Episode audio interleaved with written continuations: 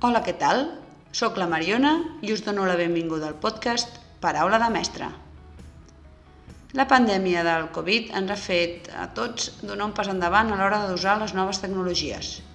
Si tenim fills, hem hagut d'ajudar-los a fer classes online i si hem passat a fer teletreball, ens hem hagut d'adaptar i conèixer les diferents eines digitals.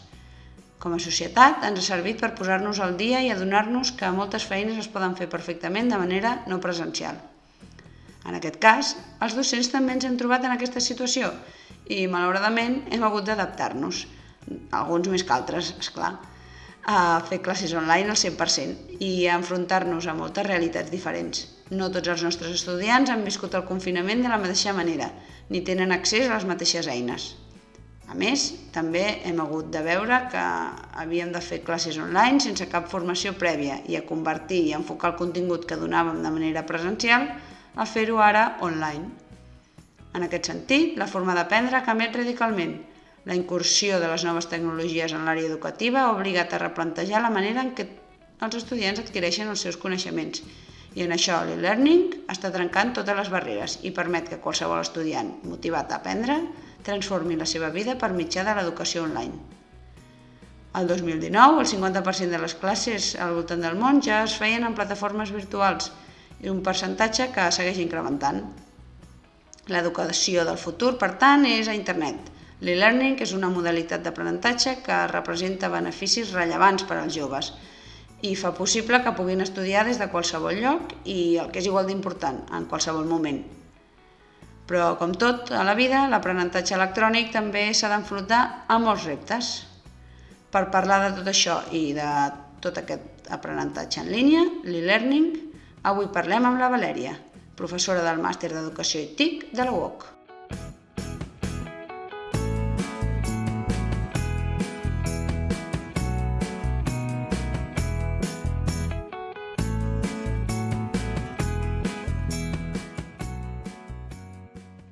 Hola Valeria, ¿qué tal? ¿Cómo estás? Bien, muy bien. ¿Qué tal, Mariona? Bueno, encantada de que estés en el, en el podcast para Habla de Maestra y muchas gracias por aceptar mi invitación. Muchas gracias a ti ¿eh? por la oportunidad. La verdad que me parece una iniciativa buenísima. Bueno, pues muchas gracias. Eh, bueno, pues si quieres empezar presentándote un poquito, ¿quién, quién es Valeria?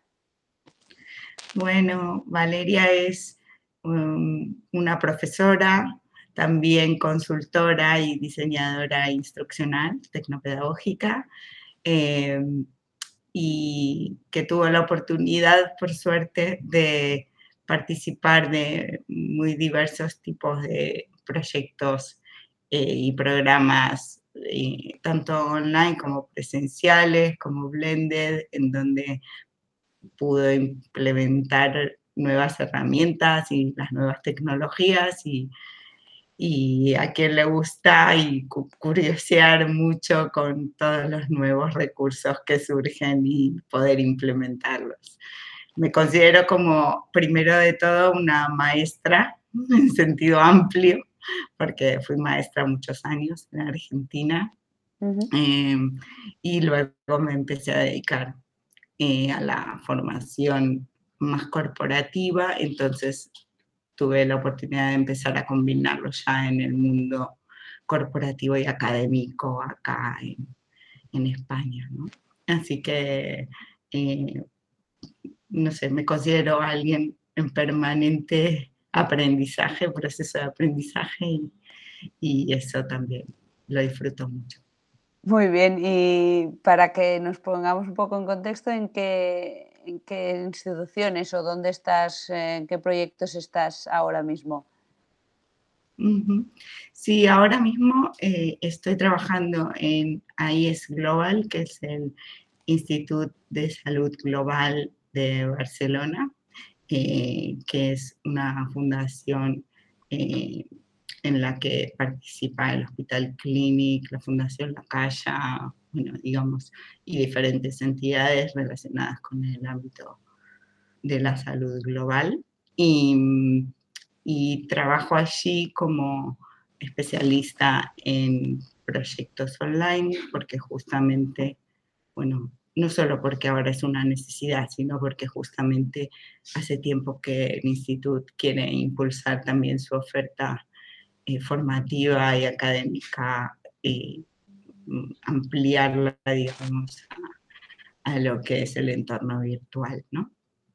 Y, y también trabajo en Schneider Electric, estoy haciendo una colaboración como Learning Experience Designer ahora desde hace unos meses eh, que estoy terminando en, este tiempo. Em, y pronto voy a estar trabajando full time en el Instituto de Salud Global.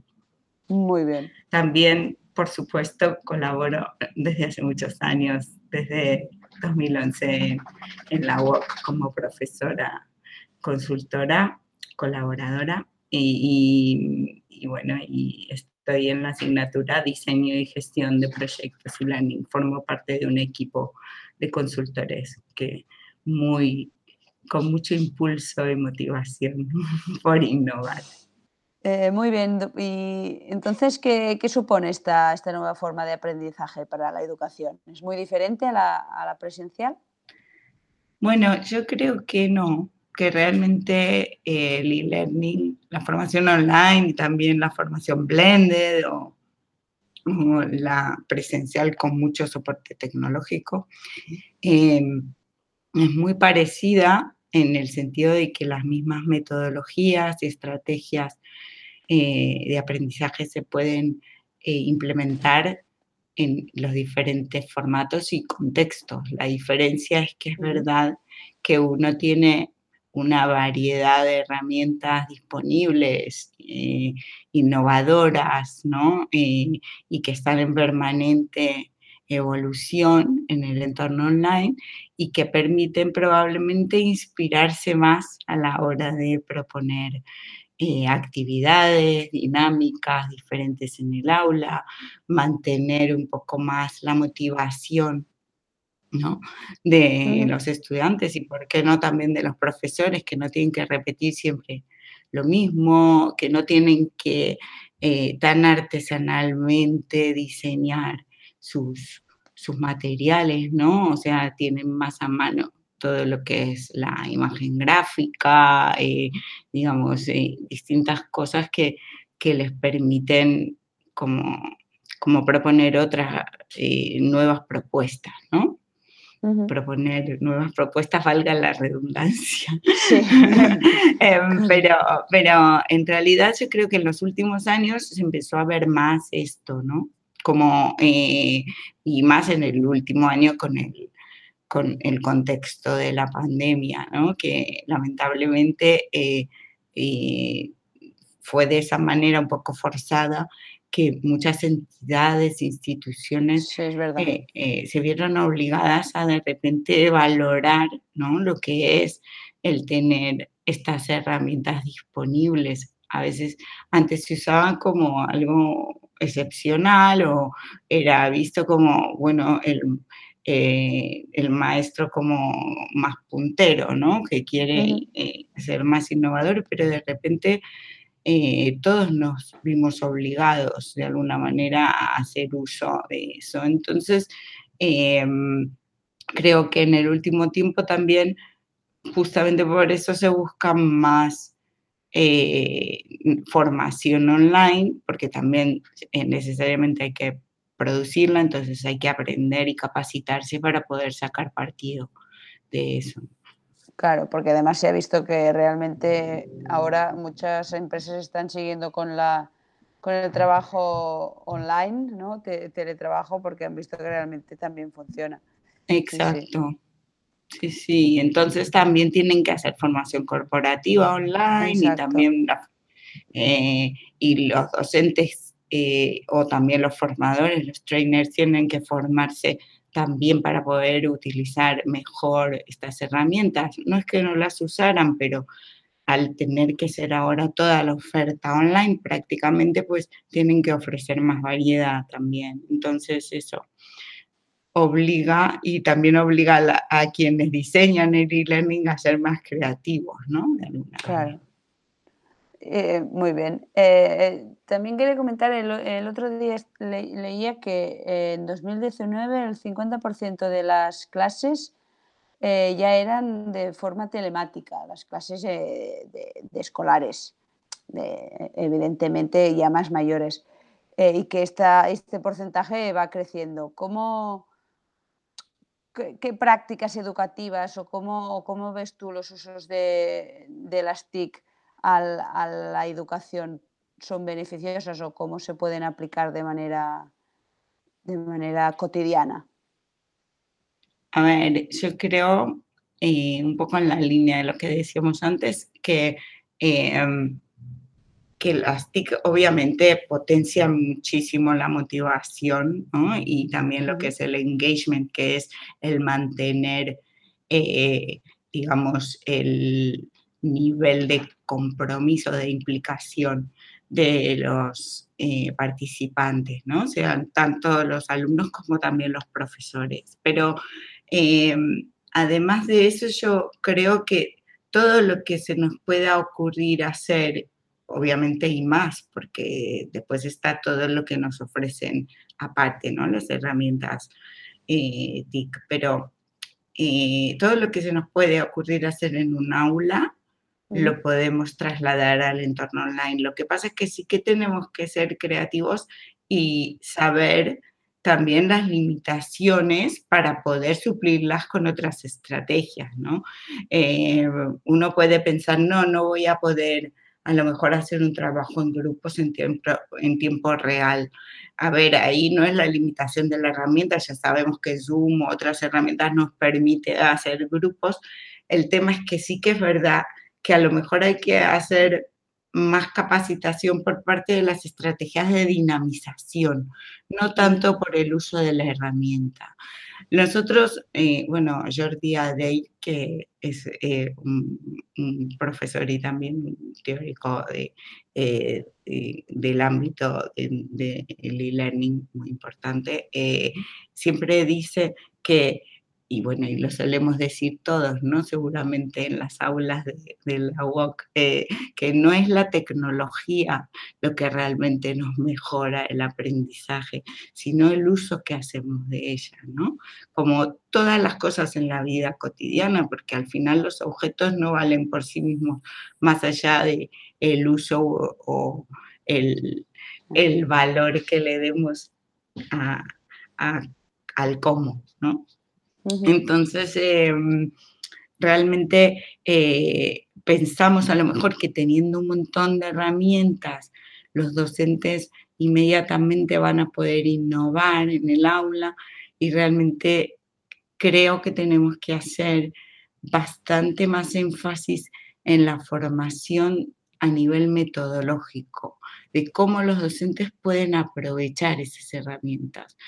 No hace falta ser un gran creativo, pero sí tener claro qué es lo que uno quiere lograr con las estrategias metodológicas. Entonces, yo siempre digo que es un poco al revés. Es cierto que, que uno ve una herramienta bonita, un Kahoot, ¿no? Por ejemplo, ¿no? Mm. Cerebrity, y dice, bueno, vamos a hacer una actividad con esto si nosotros primero pensamos qué queremos hacer antes de la herramienta y, cuál es nuestro objetivo, seguro que además de esas dos, se nos ocurren un montón de otras herramientas, a lo mejor que teníamos antes, que las podemos combinar para hacer lo mismo, ¿no?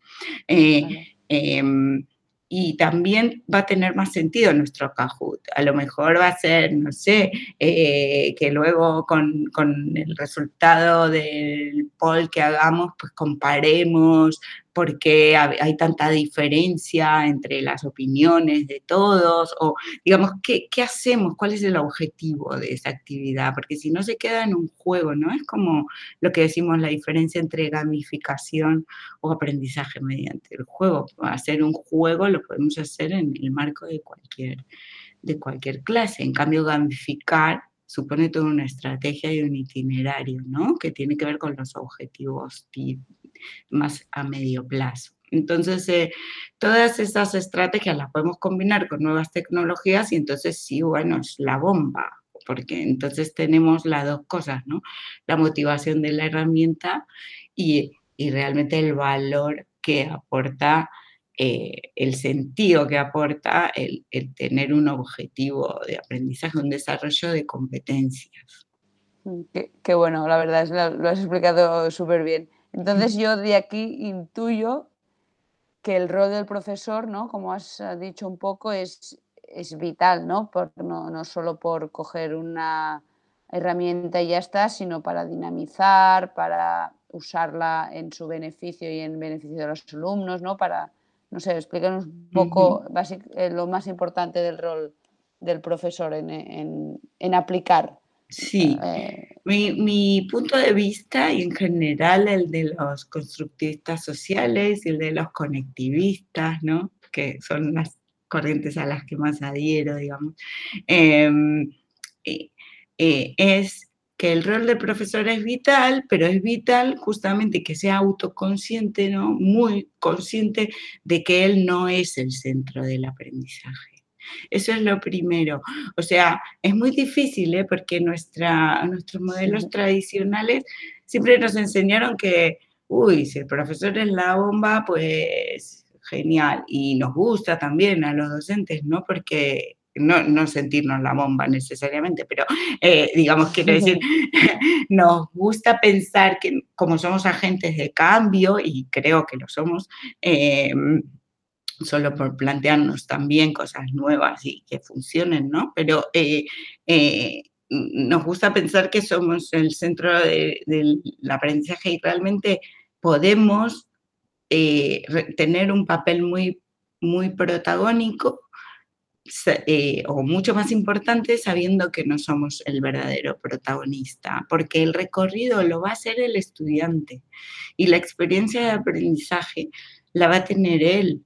Y, pensemos en el estudiante como genérico, ¿no? Como nuestros estudiantes, nuestro grupo, que tiene mucha variedad, muchas individualidades. Entonces, ya sabemos qué desafío es educar para todos, pero también para algunos en particular con sus diferencias, ¿no? E incluirlos.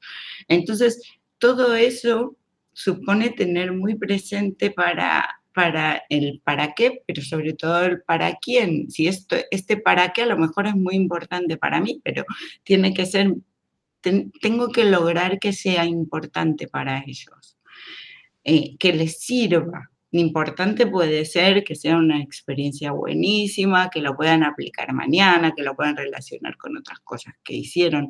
Eh, depende de las edades y los momentos, ¿no? Es como mis alumnos, para mí lo importante es que se lleven algo que lo puedan aplicar después en, en su, sea en su clase, en su trabajo, en su vida cotidiana para interactuar con sus pares y aprender, aprender que se aprende también curioseando, probando, que no pasa nada por equivocarse, digamos, si uno no, no, afina justo el presupuesto de un curso, porque si uno nunca hizo un presupuesto, ¿no? Entonces, eh, em, eh, eso es lo que a mí me interesa, pero porque pienso en qué lo pueden aplicar y entonces también una maestra de niños de infantil probablemente tenga que pensar más en la experiencia de aprendizaje, porque si esa experiencia les grata, si lo siente, por ejemplo, yo creo que hay determinadas edades donde mejor se aprende a través del juego, ¿no? Entonces, eh, o,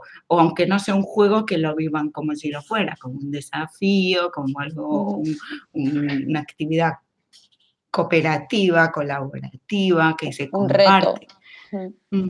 Entonces, eh, al final, por más individual que sea, ¿no? Pues miramos un poco qué es lo que hace el otro, porque nos estamos también armando como grupo, ¿no? Entonces, eh, em, en determinados momentos es eso, es que sea una gran experiencia de aprendizaje y que, y que a partir de eso pues se les abra un nuevo abanico de, de acciones que pueden aplicar en otras cosas.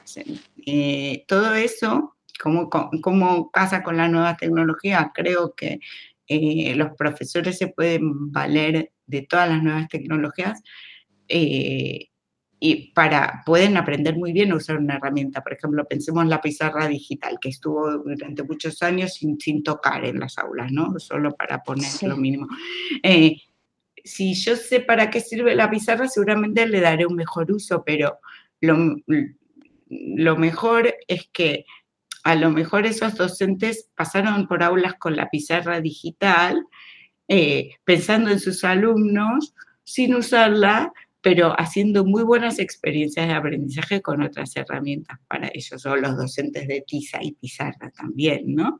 Eh, entonces, eh, mm, cuando el docente tiene un papel vital en el sentido que tú dices, porque porque sabe muy bien cuál es su papel como catalizador, como facilitador de estos aprendizajes, para elegir recursos bonitos, para proponer actividades lindas, pero también para pensar en qué recorrido va a hacer su alumno que en, esa, en esa aventura, ¿no?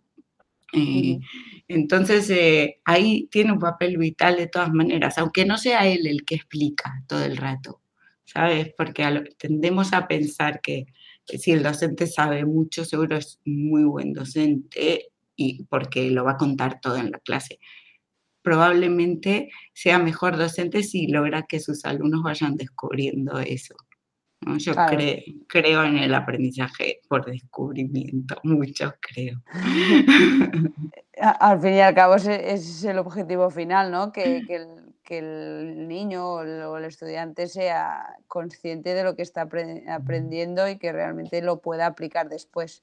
Sí, sí. Muy bien.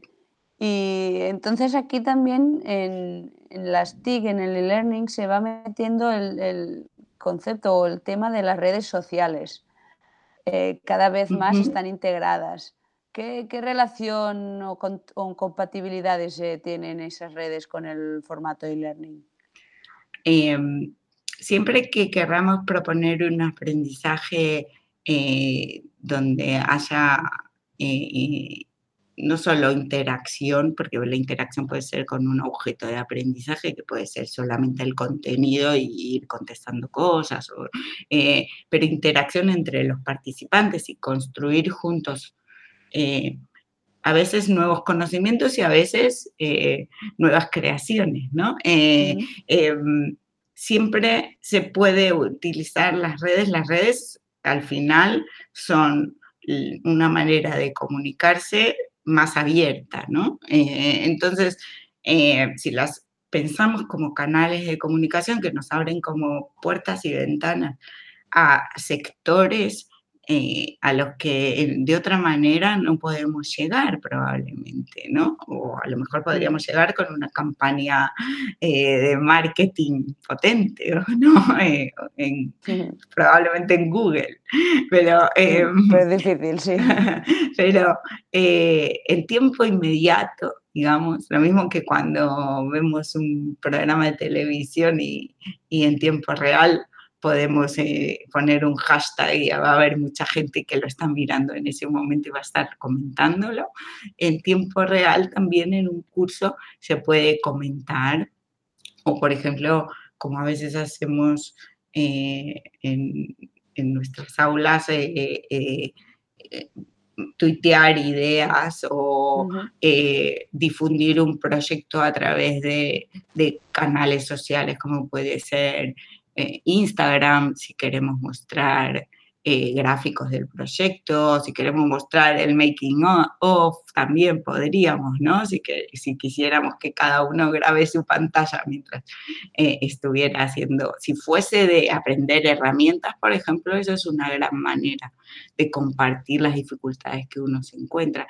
entonces, seguro que en paralelo va a haber mucha otra gente que está aprendiendo lo mismo en otros sitios eh, y que puede darnos tips. Hay redes de preguntas y respuestas y eso también es fantástico. O sea, em, hay redes de comentarios nada más, ¿no? No solo de los tweets que son como eh, eh, que hasta se puede hacer poemas en, en Twitter, ¿no? de, de, 140 caracteres. Em, entonces, eh, realmente hay redes que comentan, no sé, de consumidores que comentan productos, ¿no? Entonces, yo creo que es una manera de aprender de todo, que nos abren puertas y ventanas mucho más allá de lo académico, trasciende el contenido académico. Y, creo que no hay que tenerle miedo a las redes, obviamente que sí hay que aprender a usarlas con responsabilidad y a enseñarles a nuestros alumnos eso, a usarlas con responsabilidad. Porque eh, una vez que saben que bueno, que a cada edad corresponde una cosa diferente, ¿no? Y a lo mejor a los más pequeños se puede trabajar con grupos cerrados para que no haya cuestiones de privacidad de por medio, em, pero así aprenden mejor a usarlas porque al final están instalados en nuestra vida cotidiana los canales sociales y los usamos. Eh, hay gente que dice, yo no tengo redes sociales, pero seguro que aunque no las tiene, las consulta, ¿no? A veces para enterarse de, es verdad. de noticias, de qué está pasando ahora en un momento dado, porque todo el mundo lo está contando en las redes, eh, o chafardear simplemente, ¿no? Sobre eh, alguna moda nueva, algún tren. Entonces, eh, claro, las redes se pueden usar para todo y y yo como docente también aprendí que se puede usar muchísimo para aprender, siguiendo a gente eh, que publica sus proyectos o que son punteros y, realmente están contando las estrategias innovadoras que implementan, eh, he aprendido un montón. Yo te confieso que la primera vez que usé Twitter fue nuestra asignatura, ¿no? En, diseño y gestión de proyectos y learning. Y, la usé como alumna, ¿no? Eh, y me obligaron a tuitear y estaba muy embroncada por eso. Decía, ¿por qué me obligan a tuitear? O sea, a ver, eh, ¿por qué me cuentan? ¿Qué es esto de Twitter? claro, si yo no quiero, ¿qué pasa? Bueno, eh, al final era una herramienta más, era como si yo no quería, no sé, usar un libro determinado, pues era la herramienta que estaba proponiendo el docente. Em, luego, con el tiempo ya no fue obligatorio, ni mucho menos, pero es muy recomendable utilizar, aunque sea alguna, y probar que hay ahí, ¿no? Pero con mente abierta, porque hay, hay de todo o sea, uno puede elegir aprender de formación como el espectáculo, como contar cómo se levantó de humor esa mañana. Entonces, todo depende de a quién uno siga. Pero eso es lo mismo que como los espacios de la ciudad. Yo siempre digo, los espacios virtuales reproducen los de la sociedad. Si yo voy para un lado en el mismo barrio, puedo encontrar la biblioteca o puedo encontrar la plaza donde se reúnen eh, mis amigos de de, la esquina, ¿no? Entonces, en los espacios virtuales pasa lo mismo, lo que pasa es que a lo mejor a veces uno necesita alguna orientación, porque si no se encuentra todo de golpe y no sabe filtrarlo. Lo mismo pasa con el contenido, por eso es importante aprender a curar contenidos también. Bueno, y como has dicho, se, se aprende practicando y probando, ¿no? A ver qué pasa. Así es. Totalmente. Hay que animarse, no pasa nada. Sí, y, eso que decías, ¿no? Al final las redes sociales eh, nos, nos, conectan al mundo y, han venido para quedarse y, es, yo creo que una frase que, que acabas de decir que, que, es importante es aprender a usarlas para nuestro beneficio porque como, todo, como toda herramienta hay cosas positivas y negativas, pero si la usamos para, para sacar cosas positivas y que, y que sirvan para aprender más y mejor, pues, pues mira, mucho, mucho mejor suerte que las tenemos, ¿no? Y nos podemos conectar con un alumno de India o de Canadá al segundo. Eso es impensable hace 20 años. Así es, y podemos conectar y hacer un grupo de trabajo y podemos luego impulsar proyectos y, con gente que no nos hubiéramos conectado en absoluto, ¿no? Y sea del mundo investigador, o sea, ya te digo, de, simplemente ciudadanos de a pie que comparten una causa, ¿no? Una causa así que me parecen, a mí me parecen una herramienta súper potente, pero por eso justamente hay que aprender a usarlas con responsabilidad. Y como en todo, yo, yo pienso que se aprende a usarlas usándolas. O sea, hay determinados principios que uno tiene que saber, como cuando uno, ¿cómo se aprende a conducir? Leyendo solo la guía, ¿no? pues no, pero el tema es que hay que saber unos principios porque si no, ¿no? Como que derrapamos. Correcto, muy bien. Y ya para, ir terminando, porque la verdad es que ya nos has dicho cosas súper interesantes, eh, claro, hemos visto todo, todo, muchas cosas positivas, pero imagino que este tipo de, formación online eh, tiene que enfrentarse también a, varios desafíos, ¿no? El primero, así que se me ocurre rápido y que me ha pasado o que nos ha pasado a los docentes que, con la pandemia hemos tenido que pasar de un día a otro a hacer clase online, es que no todo el mundo tiene el mismo acceso a Internet. Claro, eso sí que es verdad que se necesita tener wifi o cable y un ordenador o una tablet como mínimo. Sí, pero la, brecha digital, digamos, ¿no? Que es como se llama, digo, eh, cada vez, por suerte, es menos brecha, ¿no? Digamos, cada vez es menos, pero sí que eh, lo que existe, o sea, entendida como el acceso a un dispositivo, ¿vale? Porque cada vez son más accesibles, porque también cada vez hay más dispositivos en desuso y entonces pues se reutilizan, digamos, obviamente, un día vamos a tener más móviles, ¿no? Que personas en el mundo. Creo que ya hay más. es probable.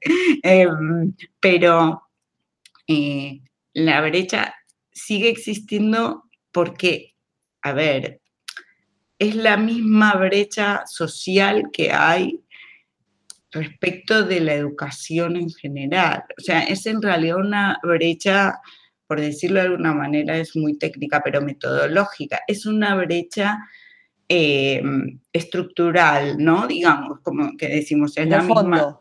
Sí, exacto, por eso. Sí, sí, tal cual, por eso estructural. Eh, digamos, eh, yo puedo tener un móvil, eh, y es lo mismo que decíamos recién con la red, ¿no? También, eh, yo puedo tener acceso a todas las redes sociales y jamás pasarse siquiera por la cabeza usarla para aprender algo. Igualmente aprendo, yo creo que aprendemos en todos los contextos, ¿no? Porque, bueno, yo pienso que, pero para, digamos, para buscar información de algún tipo, ¿no? Em, es como en el sentido formal. ¿Por qué? Porque eh, no se me ocurre, porque no se me ocurre que tengo los medios más al alcance de la mano que, puedo, porque no se me ocurre qué buscar, a lo mejor, ¿no? Y todo eso es una cuestión de, educación y de, de, medios, por supuesto, porque si no diríamos todo el mundo, ojalá cuando realmente el principio de educación universal eh, no solo sea universal, sino sea la misma oportunidad para todos, entonces seguramente todos podrán explotar mejor esos medios tecnológicos que, que los tienen mucho más al alcance, porque a lo mejor no tienen el, el móvil en casa, pero hay tablets en las bibliotecas públicas. Pero si yo no sé que puede ir a una biblioteca pública o digo, ¿para qué voy a ir a la biblioteca? ¿no? Yo mejor me quedo acá con mis amigos, no sé, en el parque un rato. Pero esto, ¿por qué no se me ocurre? Que puede ser ¿eh? que la pasan muy bien en el parque, pero quiero decir, eh, hay, hay tiempo para todo. Entonces, al final... Em, si yo digo, yo no tengo acceso a determinados contenidos, a lo mejor hay veces que no sé a dónde encontrar eh, los medios, que, porque los tengo a mi disposición, pero no sé cómo buscarlos, ¿no? Entonces, eh, em, realmente es eso, es una cuestión de, formación real, de, de creer realmente en la igualdad de oportunidades, ¿no? Y de, y, de posibilidad de aprovechar esas oportunidades que, brindamos. Eh, por eso pienso que es lo mismo que pasa con la salud. La salud está a disposición de todos, pero si no educamos a la población eh, con que se tiene que hacer determinados chequeos o, ¿no? o a quién puede acudir cuando eh, detecta determinados síntomas, ¿no? esas cosas son la vacunación. Entonces, eh, podemos tener los medios a disposición, pero no todo Más el, interés. Exactamente. Muy bien. Muy bien. Y ya para terminar, última pregunta. Eh, me gustaría que si, pudieras dar un solo motivo ah, para que todas estas personas, todos estos docentes que les cuesta a pasarse o, aplicar algunas metodologías o algunos usos de las TIC en sus prácticas educativas, ¿qué motivo les darías para que dieran ese, ese salto? Mm.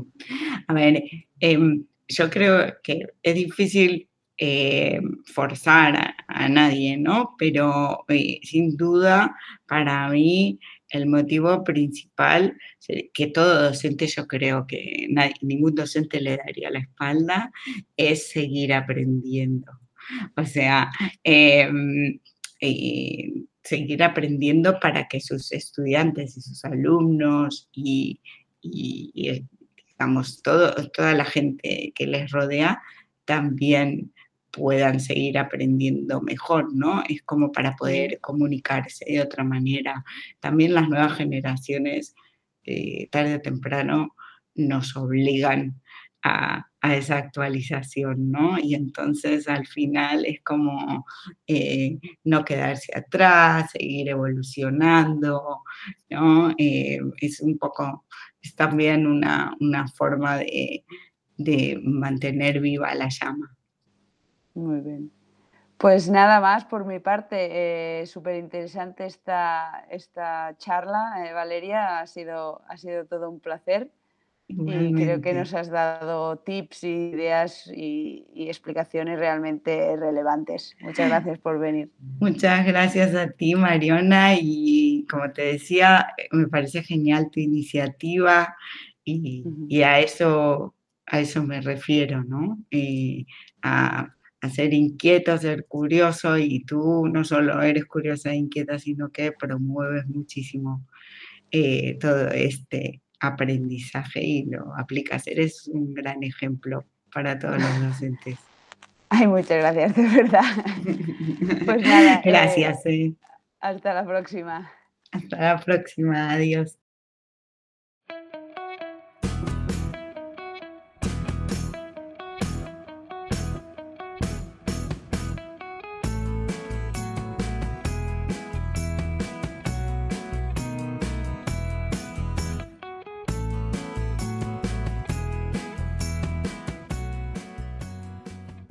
I fins aquí l'episodi d'avui. Espero que us hagi agradat i, com sempre, si voleu seguir a la Valèria, teniu tots els enllaços a les notes de l'episodi. Res més, ens escoltem a la propera. Abraçada!